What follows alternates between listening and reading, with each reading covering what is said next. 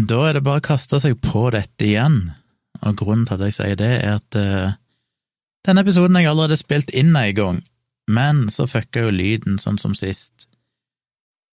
De som hørte Det var forrige episode, var det ikke det? Så var det litt krøll med lyden et par ganger.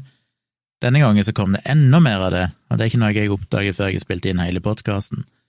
Så det er jo uh, staselig. Og jeg tenkte det var så ille at uh, selv om det er fullt hørbart hva jeg sier, så er det ganske irriterende når det holder på med en sånn boblete, gurglete effekt oppå lyden i flere minutter.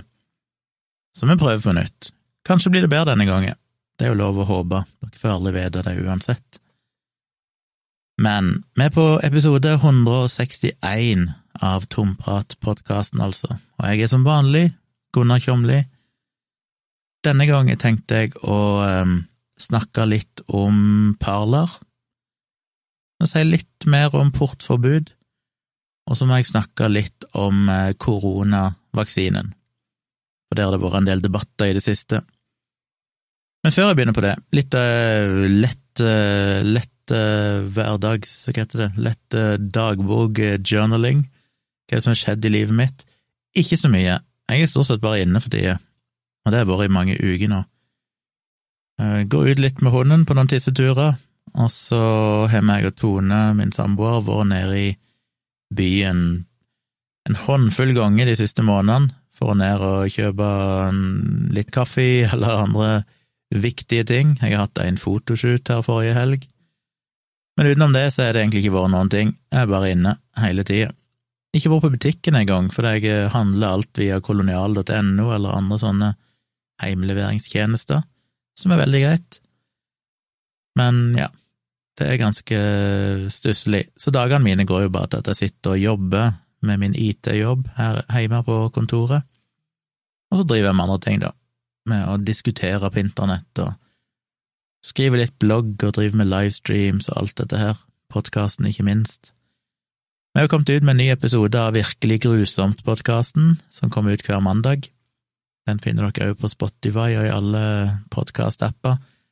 Og denne gangen var det en virkelig grusom historie. For de som har mage til å høre det, så vil jeg jo anbefale å sjekke ut. Ellers har jeg fått meg eh, fiber i kåken her. Jeg bodde jo på Tøyen i mange, mange år, og der hadde jeg eh, fiber ifra Viken Fiber via Altibox, tror jeg det var. Og det var deilig. Jeg hadde vel en gigabit, både upload og download, og det var dønn stabilt. Men etter vi flytta og kjøpte oss leilighet eh, her på Haugenstua, som vi bor nå, så måtte jeg eh, gå ned til en sånn kabeltjeneste ifra Get, og det var litt mer stusslig. Det er jo inkludert i alle leilighetene her, en sånn minimumsabonnement, men så kan du oppgradere. Så ganske nylig så oppgraderte jeg til det største abonnementet deres, som ikke var tilgjengelig tidligere, men uh, nå var det plutselig tilgjengelig. Og da fikk jeg 1250 megabit i download og 50 megabit i upload, som jo er, føles som latterlig lite for meg etter å ha hatt en gigabit. Og jeg trenger litt upload. De fleste så betyr jo ikke det så mye med upload-hastigheten, men når du driver med YouTube og for podkast og livestreaming og alt mulig sånn, så er det viktig å ha god upload-hastighet. Spesielt når du laster opp flere gigabyte store YouTube-videoer. Det er fint at det går litt sånn kjapt. Så i en av mine livestreams på YouTube så var det en som nevnte at har du sjekker ut Lynet internett, tror jeg det heter, og det hadde jeg ikke. Men jeg gikk inn og sjekka live, og tastet inn adressen min og oppdaga at hei, shit, de kan jo levere her. Det var ikke jeg klar over, jeg trodde vi var låst til dette her Get-abonnementet, eller Telia som det heter nå. Men det viser seg at jeg kunne faktisk få Lynet internett, som er da fiber til borettslag. Så jeg eh, la inn en bestilling samme kvelden. Tenkte fuck it, her er det bare å kjøre på. Bestilte en gigabit inn-ut, eller up-down, og for et par dager siden så var de her og strakk noen kabler og monterte en nettverksplugg på veggen, og vips, så hadde jeg fiber. Så da gikk jeg inn og nedgraderte Telia-abonnementet mitt. Jeg kunne nedgradert til det minste, som da ville ha kosta meg eh, krone null, for det er inkludert, men det er så mikroskopisk, det er jo mindre enn en megabitrygg upload og sånn, at det er jo nesten ubrukelig. Så jeg gikk for det nest nederste, som koster 159 i måneden eller sånn, men da får jeg vel 150 megabit download og hva er det, 15 megabit upload eller noe sånt. Og hva skal jeg med det, tenker dere, når jeg har fiber? Jo, routeren min, den håndterer jo at du kan ha to forbindelser. Så enten kan du sette de opp sammen, sånn at man bruker begge to parallelt, eller du kan sette opp den ene som en sånn failover-tjeneste. Og det har jeg gjort, sånn at hvis det fibernettet mitt går ned, så skal da dette her kabelnettet ta over etter noen sekunder, sånn at jeg da forhåpentligvis slipper å få for lange driftsavbrudd. Håper ikke det blir nødvendig, og jeg tviler vel på det. Min erfaring med fiber er jo at det er veldig stabilt. Men for en 150 kroner ekstra i måneden å ha den lille backupen med at hvis nettet skulle gå ned, så har jeg iallfall en eller annen fallback, synes jeg var verdt pengene. Så da er vi der, at jeg er fiber igjen, og det føles godt. Ellers har jeg vært på I dag er faktisk for første gang på mange, mange dager vært utenfor eh, Ikke bare leiligheten, da, men utenfor leiligheten og bakgården, holdt jeg på å si. Jeg har vært på butikken en tur, rett og slett fordi jeg måtte sende en pakke. Vi hadde jo julesending på julaften, meg og Tone. Vi tenkte jo at siden det var korona og folk ikke nødvendigvis får besøk av familien sin, eller kan reise og besøke familien sin, så var det kanskje en del som var litt ensomme på julaften, så vi kjørte på med livestream. Og da hadde vi besøk av gjester i livestreamen, det var både Dag Sørås, Andreas Wahl, Jan Ole Hesselberg, Marte Valle, Ingeborg Senneset og kokkekjæresten hennes, Jimmy. Vi hadde Jonna Støme og Christer Torjussen og ja, og sikkert flere òg, husker ikke alle. Men de kom iallfall innom live, og det var jo en liten sånn kabal som skulle gå opp og time dette og få de til å ringe opp og koble det inn i samtalen eller livestreamen, og folk var jo eh, hjemme og var før og etter middag. Men det gikk bra, det gikk superbra og ble veldig gøy, og i løpet av den kvelden så hadde vi en julequiz som Tone hadde laga, med 20 julespørsmål. Det hadde vi i første del, som var fra tre til seks, og så hadde jo vi en liten YouTube-pause der vi spiste jula. Jeg lagde ferdig julemiddag. Vi spiste, dattera mi var her, det var bare oss tre. Eh, Åpna gaver og alt det som hører med, og så starta vi på den igjen klokka elleve på kvelden. Og da kåra vi en vinner av den julequizen, og vinneren, eh, ja, for jeg hadde ikke noe annet å ty til der og da, så fikk de en bokpakke med begge bøkene mine signert. Så de fikk jeg endelig sendt litt forsinka i dag. Og denne julesendinga, hvis dere vil se den, så ligger den ute på YouTube-kanalen min, eh, begge videoene, både del én og del to, på Tvilsomt med Tjomli. Vi gjorde jo noe lignende på nyttårsaften, bare litt mindre organisert, vi hadde ikke noen gjester sånn da, men vi kjørte en livestream på nyttårsaften òg, som var ganske moro, og den ligger òg ute på kanalen min for de som ønsker å se på det. Um, ja, ellers så tror jeg ikke det har skjedd så mye, jeg sitter jo bare her og jobber, programmerer hele dagen og ellers ser litt på TV og livestreamer litt og lager podkaster og alt det der.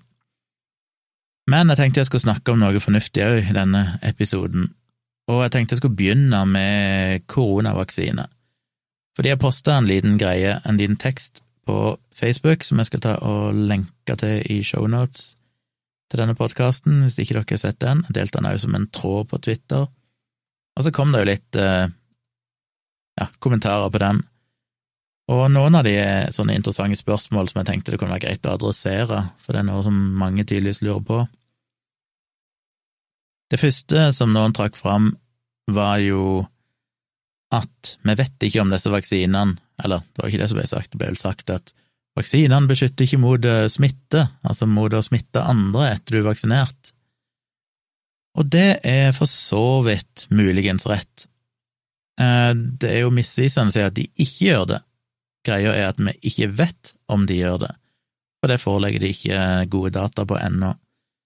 Sjøl om det er gjort en liten studie som så litt på disse dataene fra disse fase tre-studiene til de godkjente vaksinene, husker ikke hvilken det var, om det var Pfizer eller Moderna, men de foreløpige dataene tyder jo på at det faktisk eh, begrenser smitte videre, men vi vet ikke det, det er ikke gode nok data til at vi kan si det sikkert.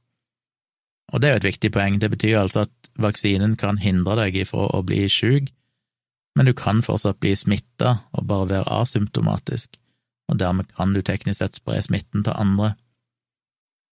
Nå er det jo sånn at vaksinen allikevel vil ha en effekt, rett og slett fordi de dataene jeg har sett, peker vel i retning av at du er jo en del mindre smittsom når du er asymptomatisk.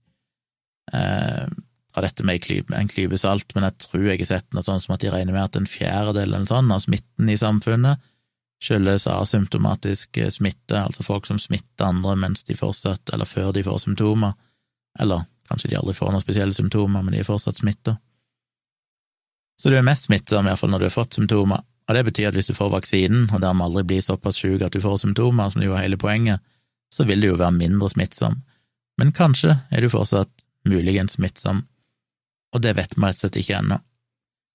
Det blir jo påstått at eh, vaksinen beskytter ikke mot alvorlig sykdom, altså alvorlig covid-19, bare mot relativt milde symptomer. Og det er jo en påstand som er misvisende, for det er jo ikke sånn at han ikke beskytter mot alvorlig sykdom, det er bare det at studiene i seg sjøl ikke kan dokumentere det. Og grunnen til det er at det er såpass sjeldent at folk blir alvorlig syke at for å fange opp de tilfellene mange, altså fange opp mange nok tilfeller til at du kan sammenligne den vaksinerte gruppa med den uvaksinerte gruppa, så må du enten ha mange, mange flere deltakere i studien, det er jo selvfølgelig mye mer ressurskrevende og dyrt og omfattende, eller studien må gå over mye lengre tid, og det har vi jo ikke tid til, vi kan ikke la en studie gå i et år fordi vi trenger vaksinen nå. Så derfor har de vært fornøyd. Kriteriene for en godkjent vaksine var bare at han skulle beskytte imot uh, at du ble syk, og um, så lenge han gjorde det, og det ser han ut til å gjøre, med rundt 95% både Moderna og Pfizer-vaksinen ser ut til å være ca. 95% effektive i å beskytte mot det, og da blir vaksinen godkjent så lenge sikkerhetsdata og alt dette her er på plass. Men beskytter han imot alvorlig sykdom? Jeg vil vel anta at han gjør det. Det vil vel virke noe eh, merkelig om han skulle beskytte mot mild sykdom, men ikke alvorlige tilfeller. Spesielt fordi myndighetene har jo valgt å eh, først og fremst vaksinere folk i risikogrupper og folk som er gamle og sånn, de som er mest utsatt.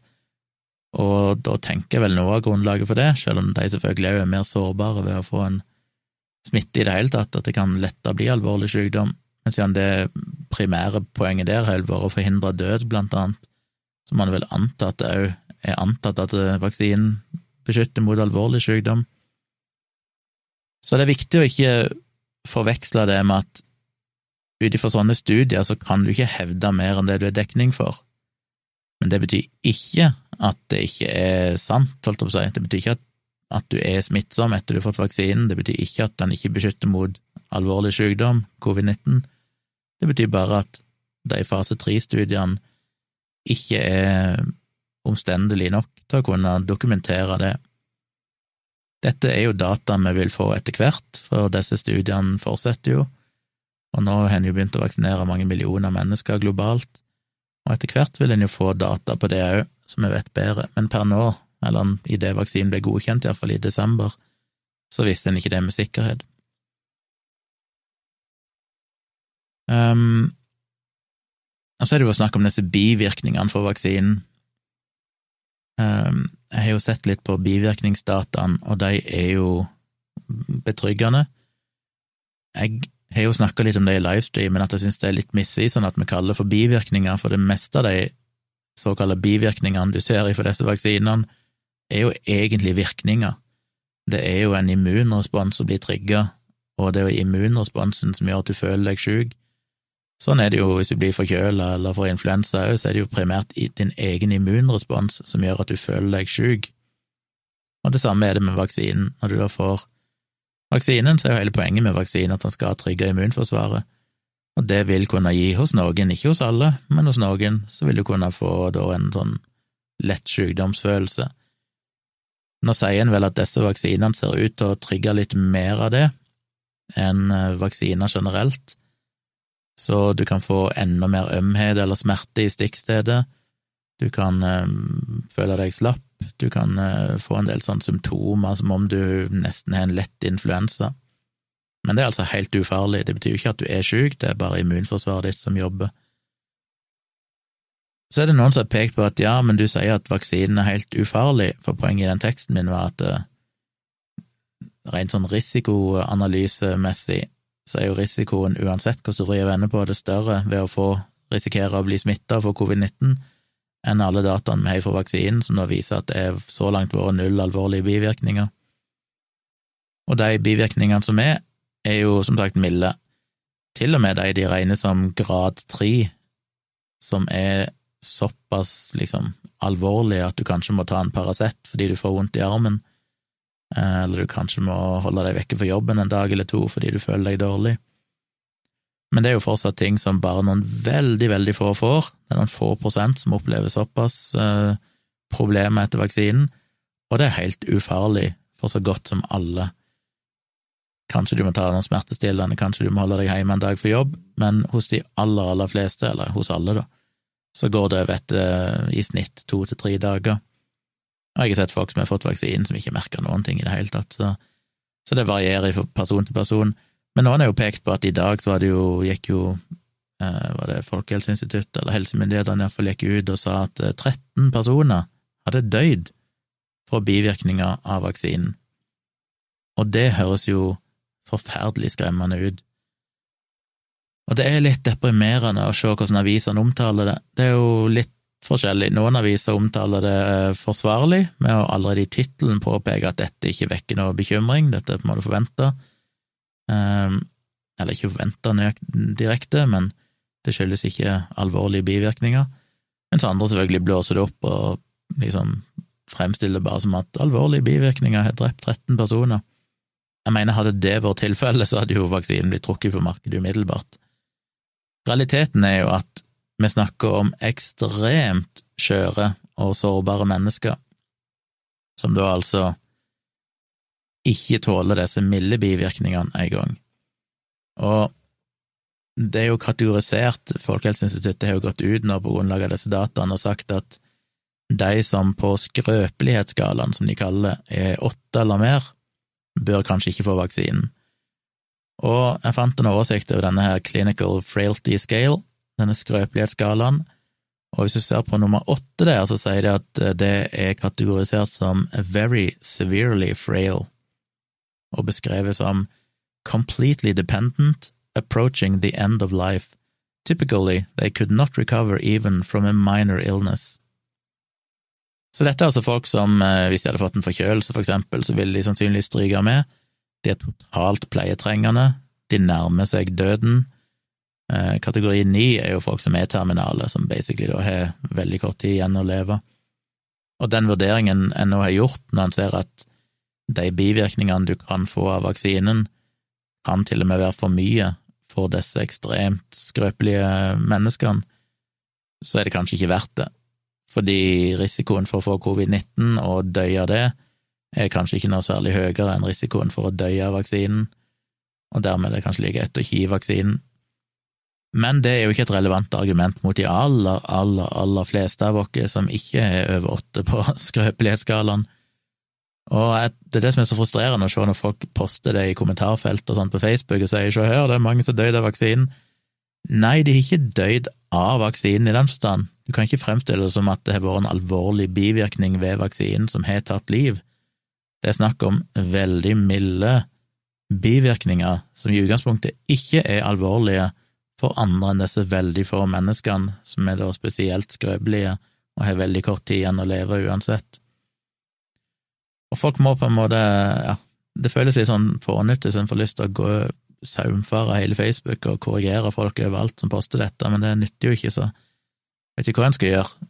Men i realiteten så håper jeg vel dere som hører på, skjønner det og kan videreformidle det at poenget er ikke at det er en alvorlig bivirkning som har tatt livet av folk, poenget er at det er en helt forventa, normal bivirkning som har tatt livet av folk som er så skrøpelige at de ikke engang tåler det.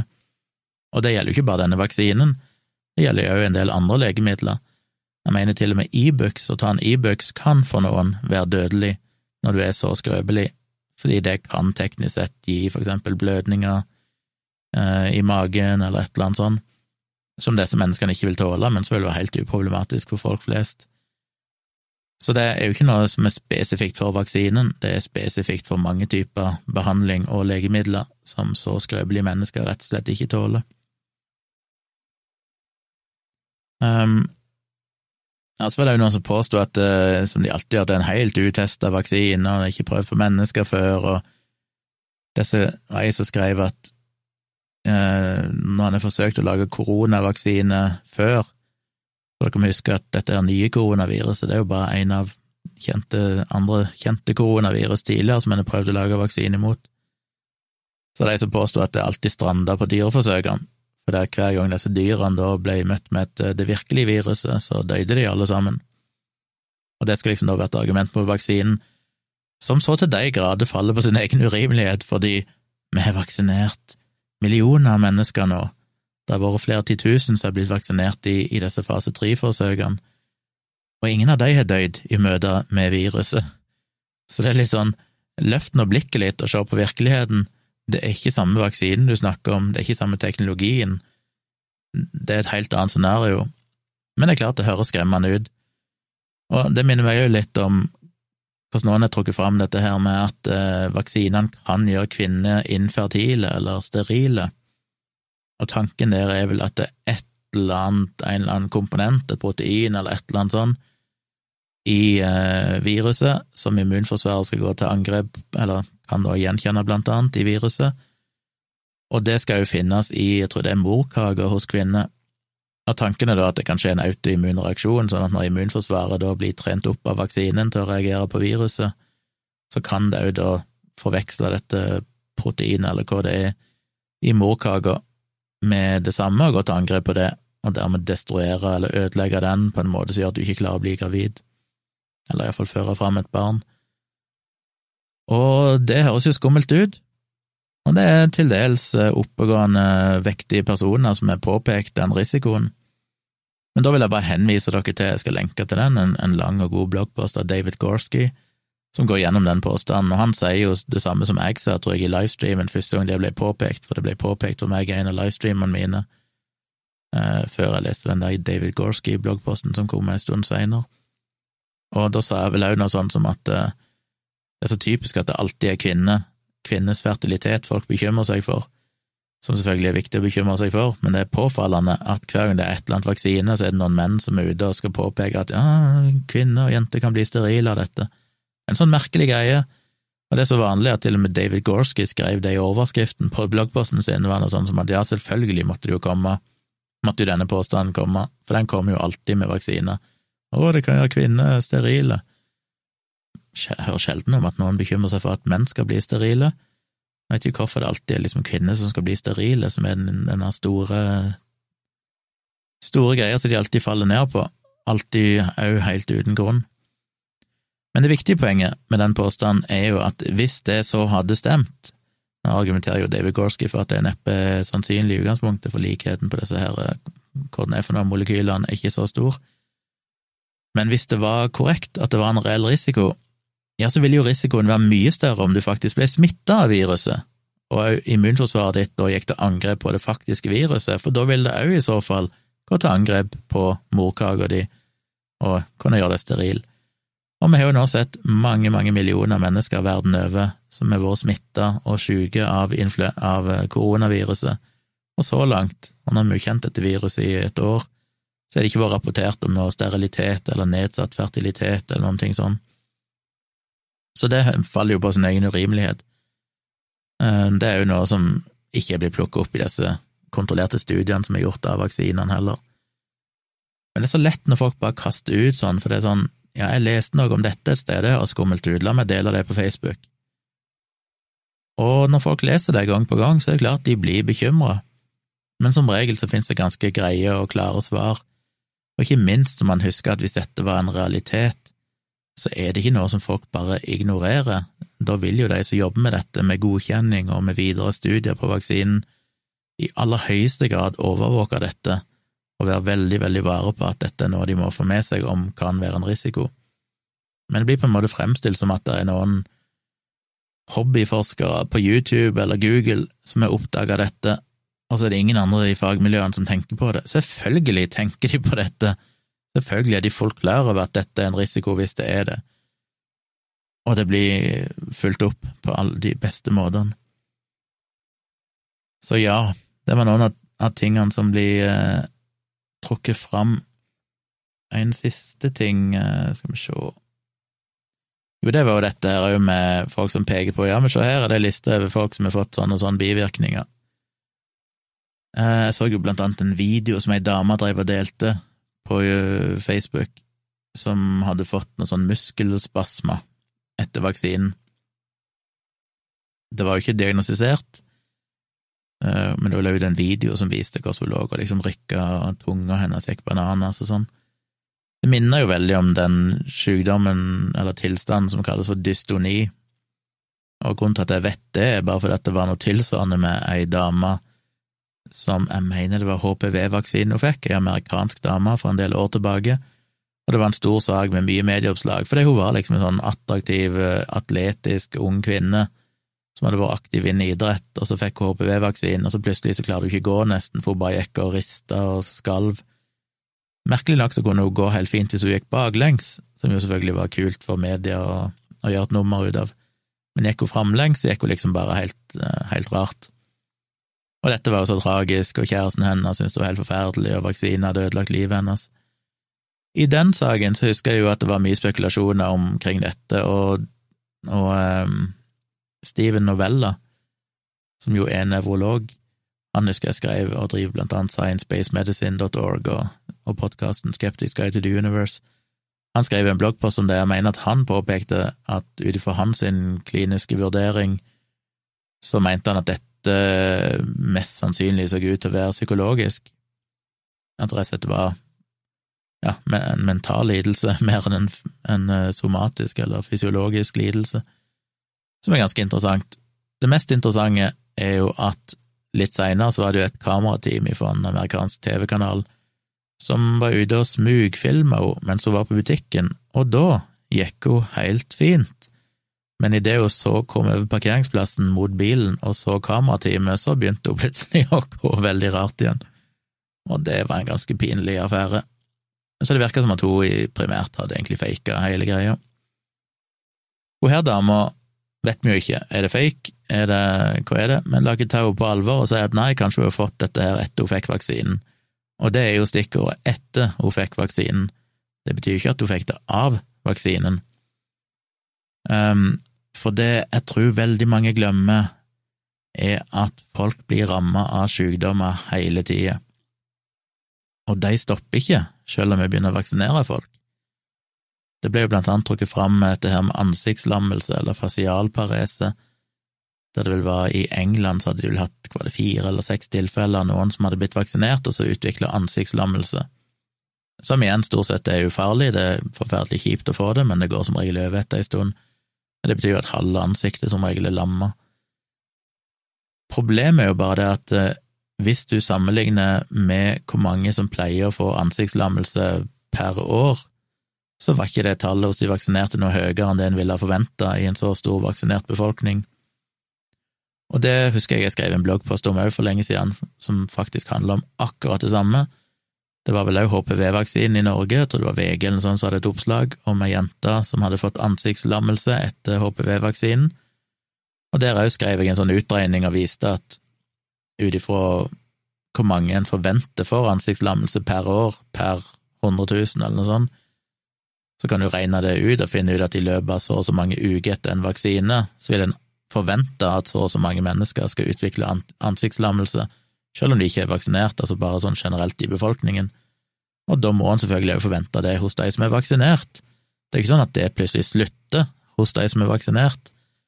Og det er jo det som gjør det så vanskelig for folk, for det, folk kommer fortsatt til å dø av helt andre årsaker etter de er vaksinert, og de kommer til å få ME, de kommer til å få ansiktslammelse, de kommer til å få dystoni, de kommer til å få en hel rekke lidelser som de òg ville fått uten vaksinen, og dette kan man analysere statistisk, du kan sammenligne antallet som har fått det etter vaksinen innenfor en viss tidsperiode, og sammenligne med hvor mange ville en ha forventa at en så stor gruppe mennesker eh, Hvor mange av en så stor gruppe mennesker hadde en forventa skulle få samme lidelsen i løpet av samme tidsperiode. Og det en finner når en gjør disse analysene, det er jo at en ikke forventer at det er noen flere, altså det er samme antall omtrent. Det er ikke noe overhyppighet hos de vaksinerte. Men det er klart at det er vanskelig for folk å akseptere at hvis du har fått en vaksine, og så tre dager seinere utvikler ansiktslammelse, så vil du jo tro at det var vaksinen som gjorde det. Og for individet så vil det være nesten umulig å tenke annerledes, men hvis du tar et steg tilbake og ser statistisk på det, så vet du at så mange ville fått det uansett, og derfor er det neppe vaksinen som forårsaker det. Vi så jo det under dette her meningokokk-vaksineforsøket i Norge på 90-tallet, der en del hevda at de hadde fått ME etter å ha fått denne vaksinen mot hjernehinnebetennelse som ble testa ut. Men da gjorde jo Folkehelseinstituttet en tilsvarende analyse, da de sammenligna de som var vaksinert, med de som hadde fått placebo, med de som ikke var vaksinert, jeg tror det var alle tre gruppene, og sammenligna hvor mange som utvikla ME i løpet av en viss periode, og fant at det var ikke noen flere i den vaksinerte gruppa som hadde fått ME, som er et veldig sterkt tegn på at det neppe var vaksineforårsaka, de som fikk ME. Men det er klart at de som utvikla ME i løpet av de neste ukene eller månedene etter de fikk vaksinen, vil jo selvfølgelig føle at det var vaksinen som gjorde det. Og det er vanskelig å snakke de ut av, jeg har selv diskutert med nettopp sånne folk, som bare sier at jeg driter i studiet, jeg driter i statistikken, for jeg bare vet at det var vaksinen som ga meg ME. Og da er det jo vanskelig å diskutere, for det er sånn, ok, det skjønner jeg at du føler, men rent statistisk så er ikke det så veldig sannsynlig. Kan selvfølgelig ikke avvise at det var vaksinen som gjorde det, men det er heller ikke noen vektig grunn å anta at det var det. Så det er komplisert, eller egentlig veldig enkelt, men det føles veldig komplisert. Og det er frustrerende å se hvor mange av de kommentarene som dukker opp, der du føler du bare må si at hva forventer du egentlig? Forventer du at folk skulle slutte for alle disse sykdommene bare fordi de var vaksinert? Det ville i så fall vært en mirakuløs vaksine, hvis alle tilfeller av ME, ansiktslammelse og dødsfall og alt bare forsvant ifra samfunnet. Men sånn er det jo ikke, så det er bare å prøve å opplyse om det gang på gang og håpe at sånne folk skjønner det etter hvert. Jeg tror det var alle poengene mine om koronavaksinen. Har dere noen spørsmål om eh, koronavaksine eller covid-19, pandemi eller hva som helst annet, så send gjerne det til tompratpodkast.gmail.com. at gmail.com. Podkast med C, altså. Tompratpodkast i ett ord at gmail.com. Så blir jeg veldig, veldig glad for det. Jeg elsker å få tilbakemeldinger, jeg elsker å få spørsmål jeg kan sjekke ut og snakke om, så gjør uh, gjerne det. Jeg følte òg for å si lite grann om Parler, dette her sosiale mediet for uh, for høyreekstreme, holdt jeg på å si. Det er jo ikke det det egentlig er, men det er et sosialt medie der liksom, som reklamerte med at terskelen for ytringsfrihet skulle være veldig, veldig høy, og det tiltrakk seg jo da gjerne folk med litt ytterliggående meninger, som ønska å kunne skrive det de ville, uten at Facebook eller Twitter eller andre skulle eh, ta ned postene deres, fordi de har ja, jeg vet ikke om de er strenge retningslinjer, det vil jeg ikke si, jeg syns jo egentlig de er usedvanlig høye, skal mye til å få tatt ned noe fra Facebook og sånn, mener jeg. Men iallfall, Parler har jo forsvunnet, og det var jo um, en trinnvis prosess. Det starta vel med at Google fjerna appen ifra sin AppStore, så de fikk ikke tak på Parler-appen på Android-telefoner lenger via Google sin AppStore. Så tror jeg det var allerede dagen etterpå så gjorde Apple det samme, sånn at hvis du har en iPhone eller iPad, så fikk du ikke tak på den og så et par-tre dager seinere eller noe sånt, så gikk jo Amazon ut, og Amazon er jo de som eier dette AWS, som er en sånn hostingtjeneste, hostingplattform, der serveren til Parler eh, var. Og de tok, ga de en advarsel, eller sa at ved midnatt eh, søndag så var, tror jeg, eller noe sånt, så tar vi ned tjenesten deres, tar vi ned serveren. Og det gjorde de, og dermed så var Parler offline. Og det er to ting som er interessant med det. Det ene er jo var det feil? Var det feil å ta ned Parler? Var det knebling? Er det venstre ekstreme krefter som prøver å ta ned eh, den politiske høyresida, eller meninger de ikke syns er politisk korrekte? Svaret på det er vel nei. Greia er jo det at de Parla fikk mange advarsler om dette i forkant, for de hadde rett og slett et modereringsproblem. Nå gikk jo nylig Amazon ut og sa at de hadde sendt i nesten to måneder, så hadde de sendt advarsler til Parler og sagt dere må få kontroll på modereringa av postene deres.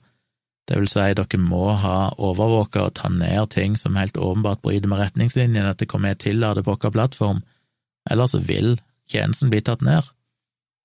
Og Parler har selv gått ut og anerkjent at det er korrekt, de fikk disse advarslene.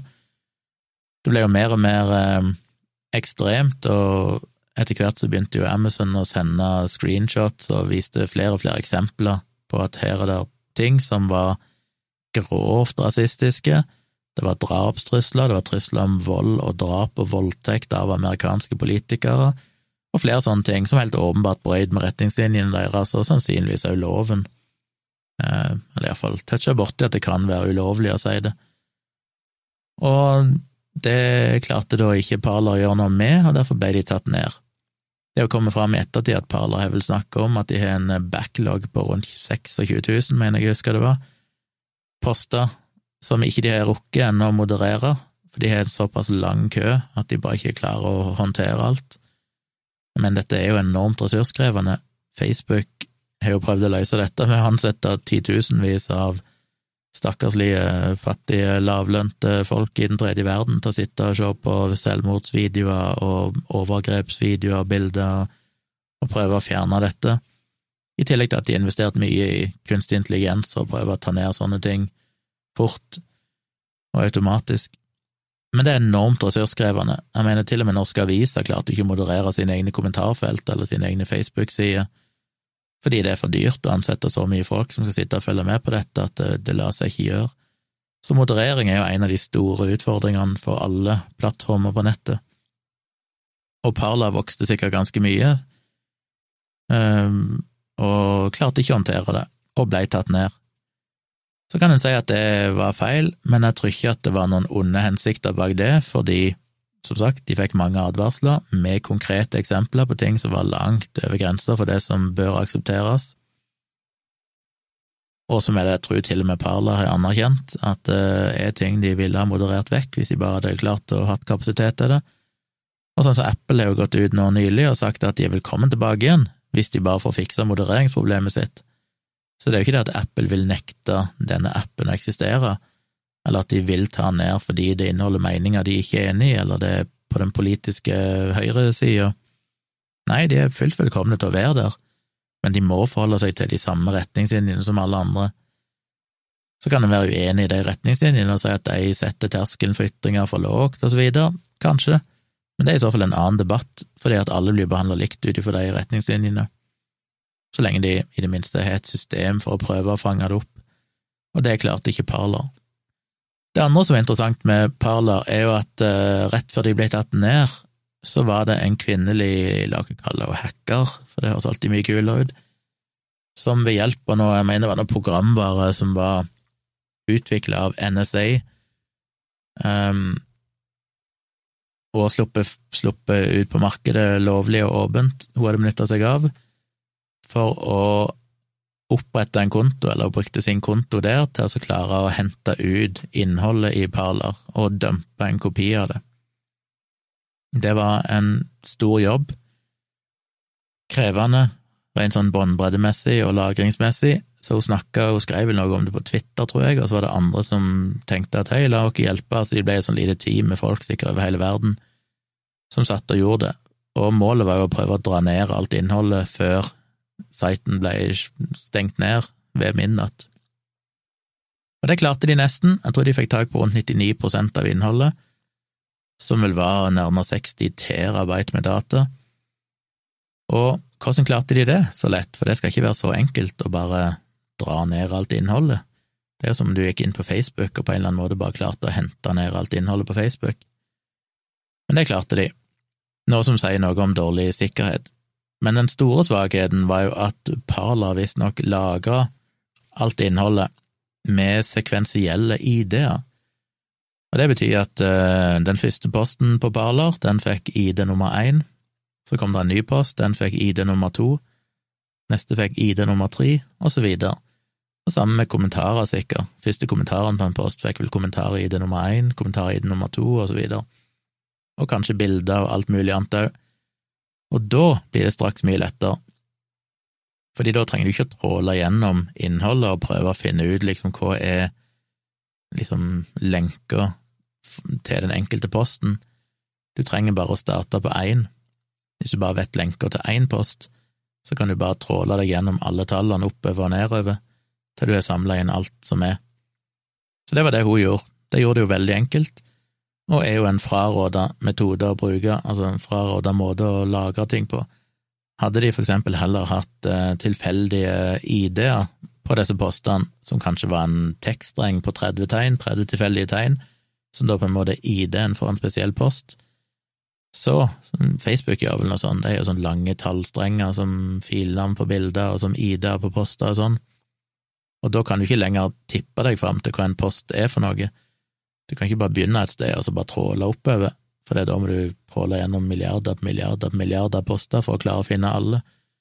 Ja, mye mer enn milliarder, for det er store tall, og det vil du rett og slett ikke ha tid til. Men så lenge du vet at de er sekvensielle, så kan du bare begynne på én, og så kan du bare tråle deg oppover helt til, ikke, helt til du kommer til et høyeste tall og ikke lenger får noe respons. Så det gjorde de, og fikk dratt ned basically alt innholdet. Og de som var brukere på Parla, har jo fått beskjed om at sorry, mate, dere er på en måte fucked, fordi det hjelper ikke hva dere gjør nå, nå er disse dataene dumpa og lagra, og det er for seint. Og til og med om noen var føre var og sletta poster tidligere, så hjelper ikke det heller, for det viser seg at Parla hadde jo ikke sletta ting som ble sletta, de hadde bare merka det som sletta i databasen, sånn at det fortsatt lå i databasen, det ble bare ikke vist i appen lenger. Men når du da tråla gjennom alle postene sekvensielt, så fikk du jo med deg de sletta ID-ene òg. Hvis post nummer åtte var sletta, så var han bare ikke synlig, men han lå der fortsatt som post med ID nummer åtte, og ville da blitt dratt med ned når du trålte gjennom alle postene og drog ned innholdet. Og der fant de jo både ID-kort og bilder med metadata som forteller GPS-location på bildene, og hvem som er tatt de, og når de er tatt, og alt det som eventuelt måtte ligge av navn og sånn i metadataen. Og nå jobber vel mange på spreng med å lage søkbare databaser på dette her, som blir lekka ut på nettet, sånn at folk kan gå inn og sjekke hva forskjellige folk har sagt. Jeg vil anta at det finnes sikkert en del kjente folk og politikere og sånn, som sikkert ikke vil synes det er så kult. Og som jeg sa i forrige episode, så synes jeg jo helt ærlig at det ikke er spesielt kult. Jeg synes jo ikke noe om at de dataene blir lekka.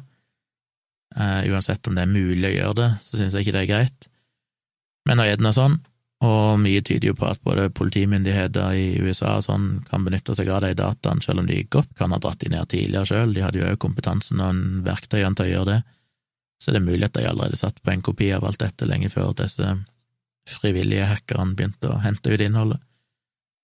Men ja, dårlig sikkerhet, altså, og det er jo problemet, og jeg står helt stille for meg nå, jeg har en eh, déjà vu om at jeg nevnte dette i forrige episode så jeg bør kanskje ikke snakke for mye om det, for det er mulig jeg allerede sitter og gjentar meg sjøl, men, men ja, ikke ta for gitt at sikkerheten er god på sånne apper og sånn.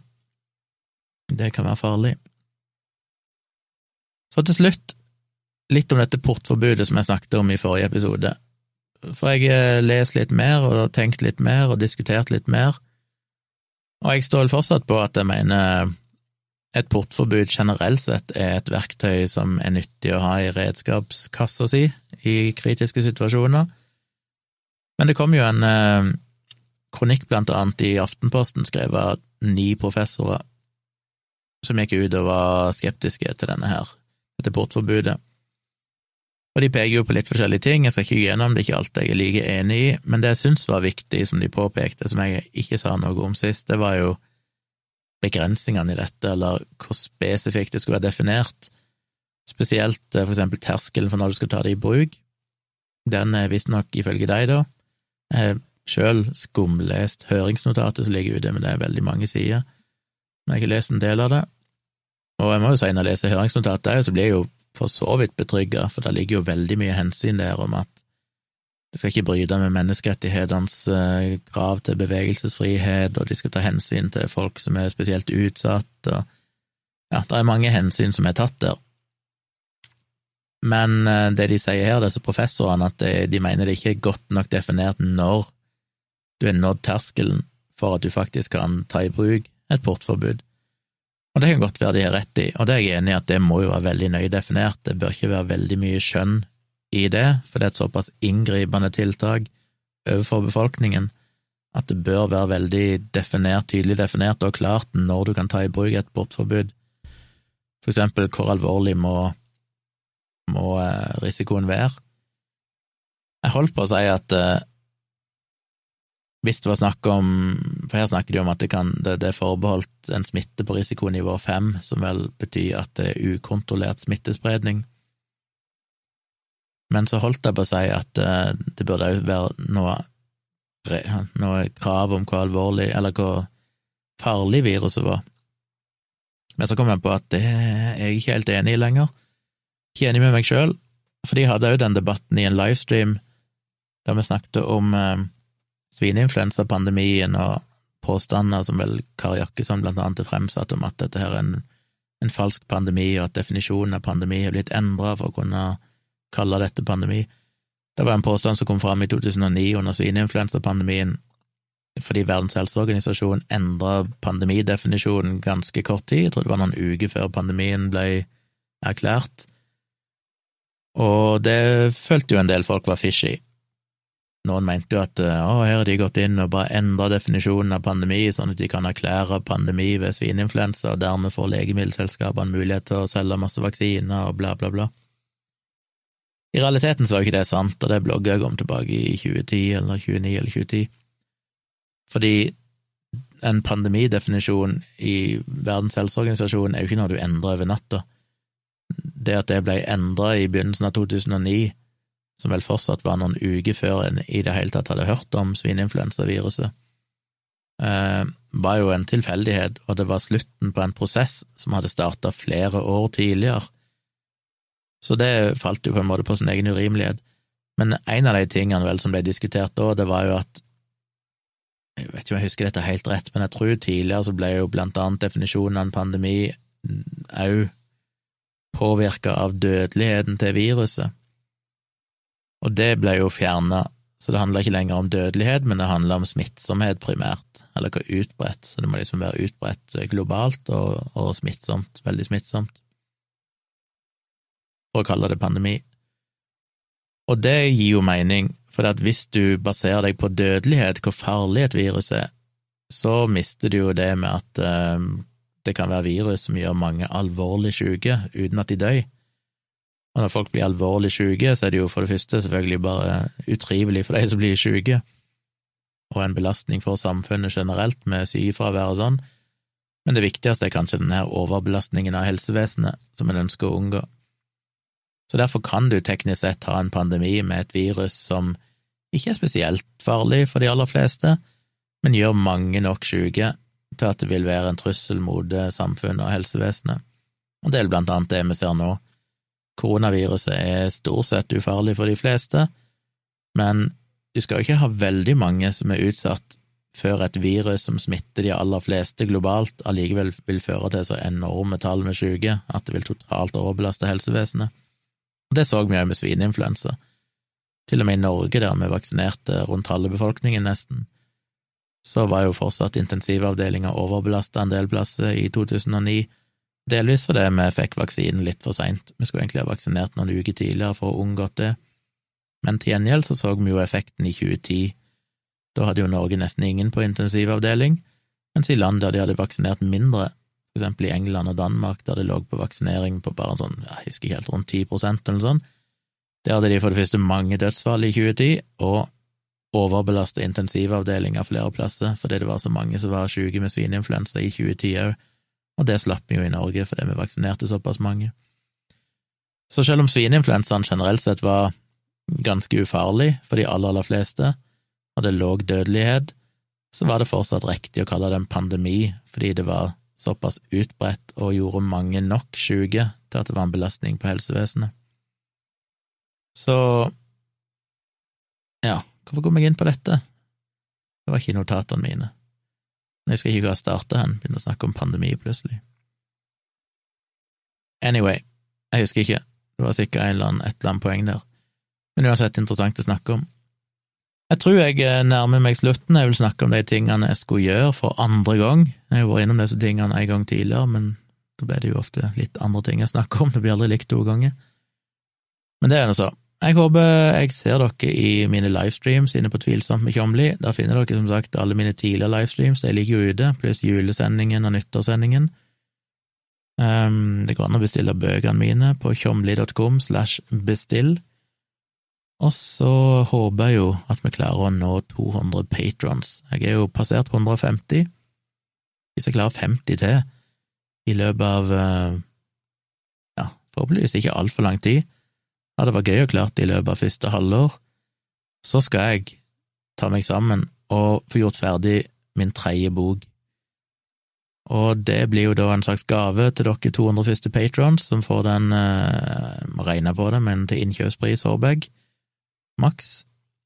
Dere får den veldig billig, og de som kommer etter dere, får det til en høyere pris. Men det er ei bok jeg skal, må finansiere sjøl og sånn, så jeg regner ikke med å tjene noe penger på den.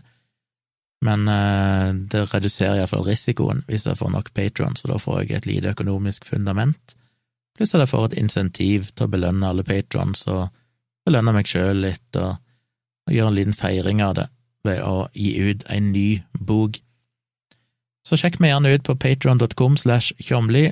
Sign dere opp der, så får dere tilgang til Discord-serveren min, og dere får bonusepisoder av denne podkasten her. Jeg legger ut noen ekstraepisoder i ny og ne. Eh, dere får også tilgang til lyd, lydbøker av bøkene mine, lydbokversjonen av bøkene mine, og foredrag som jeg har spilt inn, med video og sånn, hvis dere blir patron på forskjellige nivåer. Så sjekk ut det inn på patron.com slash tjomli, der står all informasjonen så håper jeg jeg ser dere der, eller i livestream, eller andre plasser. Og husk å sende meg spørsmål og tips og tilbakemeldinger på tompratpodkast at gmail.com. Da håper jeg at lyden ble i orden denne gang, ellers får det bare være. Men vi høres igjen om noen få dager.